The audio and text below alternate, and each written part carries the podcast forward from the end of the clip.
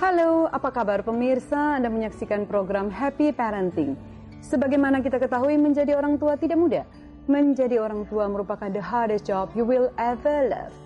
Happy Parenting mencoba menyajikan beragam informasi dan tips parenting untuk para orang tua dan calon orang tua. Bersama saya Novita Tanri, inilah Happy Parenting, the hardest job you will ever love. Hingga kini penyebaran narkoba sudah hampir tidak bisa dicegah. Mengingat hampir seluruh penduduk dunia dengan sangat mudah mendapatkan narkoba dari oknum-oknum yang tidak bertanggung jawab. Misalnya saja dari bandara narkoba yang senang mencari mangsa di daerah sekolah, diskotik, tempat pelacuran dan tempat-tempat perkumpulan geng motor.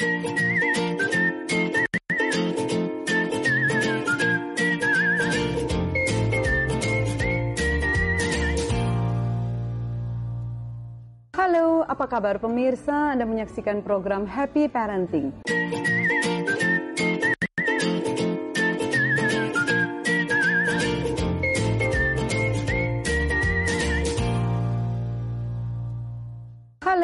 Kabar pemirsa? Anda menyaksikan program Happy Parenting.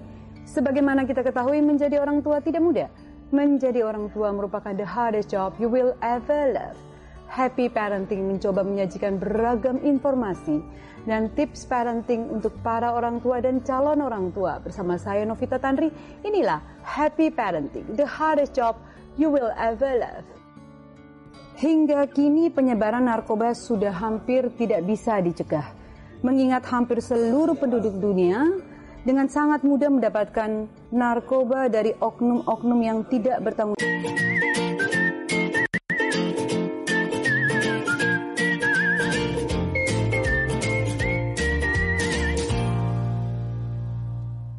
Halo, apa kabar pemirsa? Anda menyaksikan program Happy Parenting.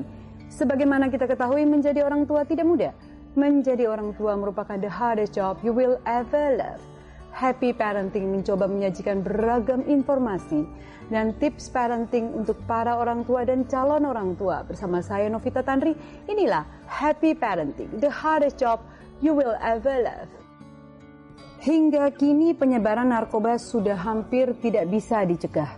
Mengingat hampir seluruh penduduk dunia dengan sangat mudah mendapatkan narkoba dari oknum-oknum yang tidak bertanggung jawab. Misalnya saja dari bandara narkoba yang senang mencari mangsa di daerah sekolah, diskotik, tempat pelacuran dan tempat-tempat perkumpulan geng motor yang sekarang maraknya di kalangan remaja saat ini. Tentu saja hal ini membuat para orang tua, ormas, dan pemerintah tentunya khawatir akan penyebaran narkoba yang begitu merajalela. Upaya pemberantasan narkoba pun sudah sering dilakukan, namun masih sedikit kemungkinan untuk menghindarkan narkoba dari kalangan remaja maupun dewasa. Bahkan anak-anak usia SD dan SMP pun banyak yang terjerumus narkoba. Hingga saat ini, upaya yang paling efektif untuk mencegah penyalahgunaan narkoba pada anak-anak yaitu pendidikan keluarga. Orang tua diharapkan dapat mengawasi dan mendidik anak-anaknya untuk selalu menjauhi narkoba. Anak-anak membutuhkan informasi, strategi, dan kemampuan untuk mencegah mereka dari bahaya narkoba. Tidak, tapi tidak buas ya Pak, ini acaranya happy parenting. Buas kalau menangani bandar atau jaringan narkotika. Langsung keluar kebuasannya nah, ya Pak itu ya. Memang harus. Harus buas. Ya, biar enggak, mereka enggak tidak berani. Selesai. Siap Pak. Pak, bicara dulu tentang keluarga. Ya. Hari ini tema kita tentang generasi terdidik anti narkoba. Betul. Tapi saya mau masuk dulu dengan keluarga. Apa kabar dengan Ibu? Baik. Mbak Noni Ya. atau mungkin panggil dengan yang namanya lengkapnya ada budinya juga di depan. Ya. Waktu budinya pakai Budi gitu ya, Ya, Pak ya. Budi Ratna Setiawati nama lengkapnya. Atau panggilan kesayangan dari Noni. Pak Bo Noni. Wah, Ya. Noni kayak Noni Noni Manado Nah, gitu ya. iya. Gadis kecil gitu ya, Ya, Pak ya. betul, betul. Siap. Kalau orang Manado bilang gadis kecil. Gadis ke Noni, Noni, Sinyo ya, ya. Pak Ya, ya. betul. Kan mungkin karena di Gorontalo pernah jadi Kapolda dari Oh enggak, Gorontalo. memang namanya Dari dari, kecil? dulu panggilan kecil Memang panggilan kecil nama dengan panggilan. Noni, si Noni ya. Ya. Ini Masa Belanda dulu mungkin dari Iya. orang tua. Iya. Pak, ada tiga anak. Ada Nindya Nur Prasasti, 26 tahun, dokter gigi. Ya, ya, Lalu ada Nindita Dwi Indah Pratiwi 22 tahun. ya. Kuliah masih kuliah Pak. Masih. Ambil jurusan apa Pak? Bisnis. Bisnis. Ya, Lalu yang ketiga ada Mas Yoga Putra Ya. Prawira 16 tahun masih SMA. ya betul. Dengan eh, ketiga anak ini kok kayaknya belum ada nih mengikuti jejak ayahnya. Ya untuk mereka sementara mungkin eh, belum ada ketertarikan dengan profesi saya ya. Apa takut nanti seperti bapaknya buas gitu? Eh, bisa ya, bisa tidak. Tapi kan ini pemahaman eh, masing-masing ya. Tapi Pak. kalau saya lihat mungkin eh, pekerjaan saya ini juga salah satunya membuat trauma mungkin kepada anak-anak ya. Karena kan, anak-anak.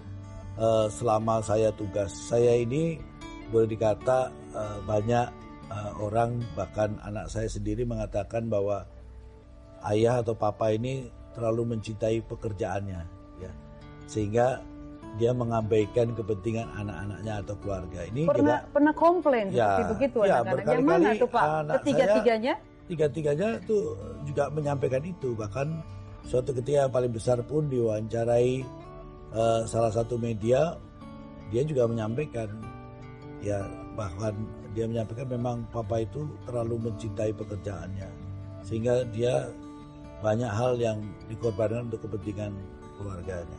Wah, Ya, jadi itu memang memang disampaikan jujur dan itu juga pernah mereka sampaikan kepada saya, tapi saya membalasnya ke, eh, memberikan pemahaman pada mereka bahwa ayah kalian atau bapak kalian itu adalah eh, seorang polisi. Kalau polisi itu kan aparat hukum, aparat negara, maka dia tugasnya adalah pengabdian kepada negara.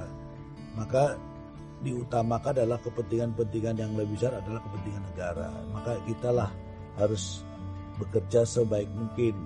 Oleh sebab itu ada yang di pasti dikorbankan atau dikurangi, yaitu masalah kepentingan-kepentingan keluarga itu. Bapak begitu mengedepankan tugas negara Iya, di depan, tapi otomatis harus paling tidak mengurangi waktu berkualitas bersama anak-anak. Betul. Mas Yoga yang paling kecil tidak kepengen masuk akademi kepolisian, mungkin masih ada kesempatan sebelum Eh, tamat SMA.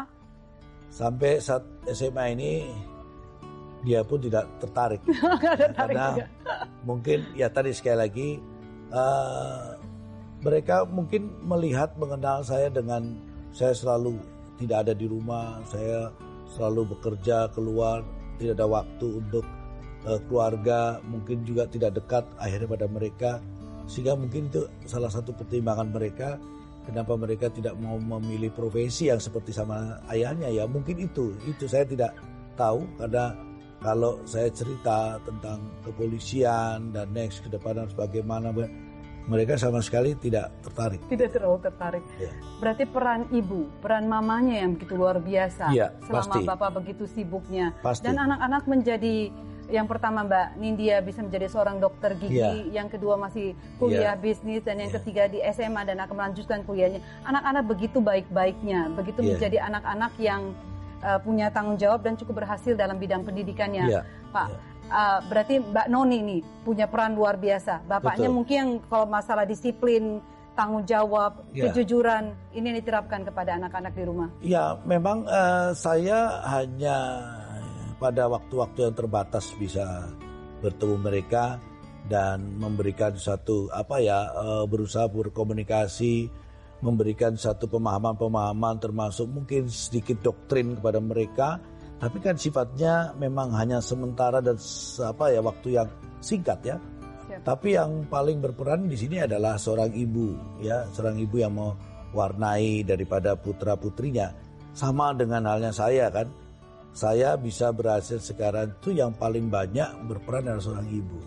Saya melihat Pak Buas kalau bicara tentang ibu, apalagi ibu sendiri, saya melihat kedekatan yang luar biasa dan rasa sayang yang begitu besar kepada ibu. Ya karena kita kan, eh, saya ini kan saya pernah cerita bahwa saya ini anak seorang tentara. Tentara zamannya ayah saya ini tentara yang tugasnya operasi-operasi terus dan eh, jarang ada di rumah ya. Bertemu sama putranya itu paling hanya hitungan hari ya. Setelah itu bertugas lagi bukan bulanan bahkan tahunan. Wah. Kembali lagi hanya hitungan hari sudah pergi lagi. Saya dengar katanya semua anaknya pada saat lahir tidak ada satu Oh ya, pun yang didampingi. dari saya tujuh bersaudara, tidak ada satupun putranya yang ditunggui lahirnya oleh ayah saya. Begitu pulang, anaknya sudah besar. Tentu nggak dipanggil om kali ya. Ya, saya uh, sudah lahir satu setengah tahun, satu tahun enam bulan, ayah saya baru melihat, ya Wow. baru ketemu. Itulah uh, ya karena memang tugas ya. ya. Ayah saya memang uh, tentara sejati. Zamannya itu saya kira tentara-tentara, yaitu seperti itu semuanya ya. Nah, sehingga dia mengutamakan tugasnya, ya pada akhirnya dia korbankan kepentingan-kepentingan keluarganya. Ini juga yang terjadi dengan pengalaman hidup Bapak sendiri. Jadi begitu banyak kepentingan keluarga yang akhirnya dikesampingkan demi tugas-tugas negara ya Pak ya. Ya seperti Menurun ada- dong, Pak. Eh, sebenarnya juga salah satunya menurun, tapi kan ayah saya juga memberikan pemahaman dan doktrin pada putra putrinya bahwa profesi abdi negara, siapa yang memilih profesi sebagai abdi negara, tugasnya adalah pengabdian. Nah, kalau pengabdian kata ayah saya almarhum, maka kita harus bekerja dengan ketulusan atau nothing tulus. Jadi kalau abdi negara itu tidak boleh berharap, tidak boleh meminta. Haram itu hukumnya kalau meminta. Jadi laksanakan pengabdian itu sebaik-baiknya, ketulusan. Ya, maka seorang buas tulus. kecil, Iya. seorang buas kecil katanya bandel, nakal, Hmm. yang bahkan jatah adik-adiknya makan itu bisa dicuri gitu Betul. oleh seorang buas kecil. Itu gimana cerita? Enam adik di bawah, eh lima ya berarti satu mbak ya, satu ya, kakak. ya, ya. Eh, saya ya punya adik lima ya. Lim- eh, adik saya maaf ada empat, ya kan? Ada empat. eh, kebetulan yang satu kembar. Ya. Nah, dalam kehidupan kita itu kan dulu memang tidak hidup seperti sekarang ya. Semua serba minim, ya. Apalagi kalau kita bicara tentara zaman dulu. Kita hanya bisa mengenal makan itu bulgur dan nasi jagung. Orang nggak tahu itu bulgur itu apa anak-anak Iya. zaman sekarang nih pak. Tidak, tidak akan pasti Kids mengenal zaman now nggak tahu tuh pak. Ya, sudah lewat itu sudah lewat itu karena ada zamannya pada saat itu. Ya. Ah, dan kita tidak serba kecukupan, tidak hidup dengan kondisi yang sangat kurang dan kritis sebenarnya ya. Sehingga peran itu tadi seorang istri eh, tentara pada zaman itu adalah perjuangan untuk anak-anaknya ya. Maka dengan segala upaya cara bagaimana dia bisa memenuhi kebutuhan anak-anaknya terutama makan. Sampai katanya beli sate, sepatu bapak dijual. Oh ya, eh, itu memang kehidupan. Saya kira juga mungkin saja, saya tidak tahu. Mungkin saja itu terjadi bukan hanya pada saya ya, pada keluarga saya, ibu saya. Tapi pada saya itu memang hampir rata-rata kalau tentara zaman itu adalah sebuah keterbatasan dan dia hidupnya memang hidup dengan apa yang diberikan oleh negara yang kalau dihitung itu sangat tidak cukup ya, sangat eh, minim sekali. Eh, tapi seorang ibu itu pasti akan mengikuti keinginan anak-anaknya. Ya, hampir zaman sekarang tuh seorang ibu pasti demikian ya. Pasti pak. Nalurinya sangat kuat kepada anak-anaknya.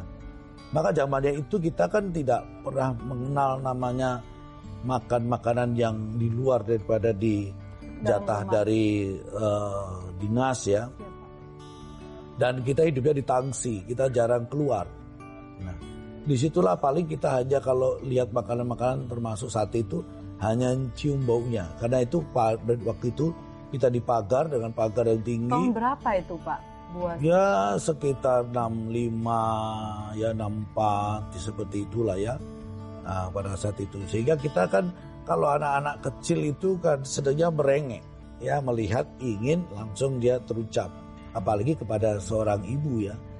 Kalau seorang ayah mungkin kita nggak berani. Tapi kalau seorang Melotot ibu aja ya, atau kopelnya keluar. Iya, apalagi tentara ya. Nah, tapi kalau seorang ibu kan tempat keluh kesah, tempat mengadu, tempat meminta. Nah, di situlah perjuangan seorang ibu dia pikir harus bagaimana yang membu- apa anak-anak ini udah pengen tapi dia nggak punya kemampuan membeli.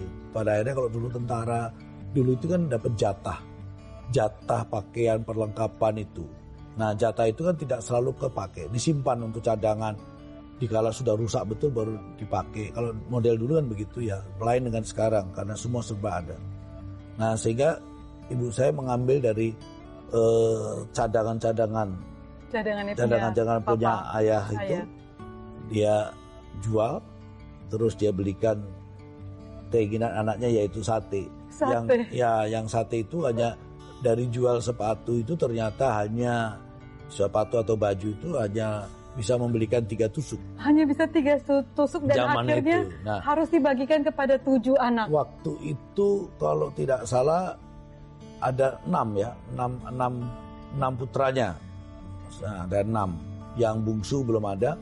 Oh yang busung belum ada ya pada waktu saat itu. ah, terus itu bicara sama dia ya dilepas satu-satu maju dikasih satu-satu potong ya. Yang penting adalah Bisa merasakan mengecap rasa, itu rasa sate. daripada Nah, sate. terus, kita tahan Pak, Ya. urusan sate. Nanti kita sambung di segmen kedua. Ya. Ya Pak ya. Baik, tiba di segmen eh, akhir segmen pertama sate. Tadi tiga tusuk sate dibagi dengan enam saudara dan kita akan korek lebih jauh bagaimana urusan mangga di masa kecil Pak Fuad.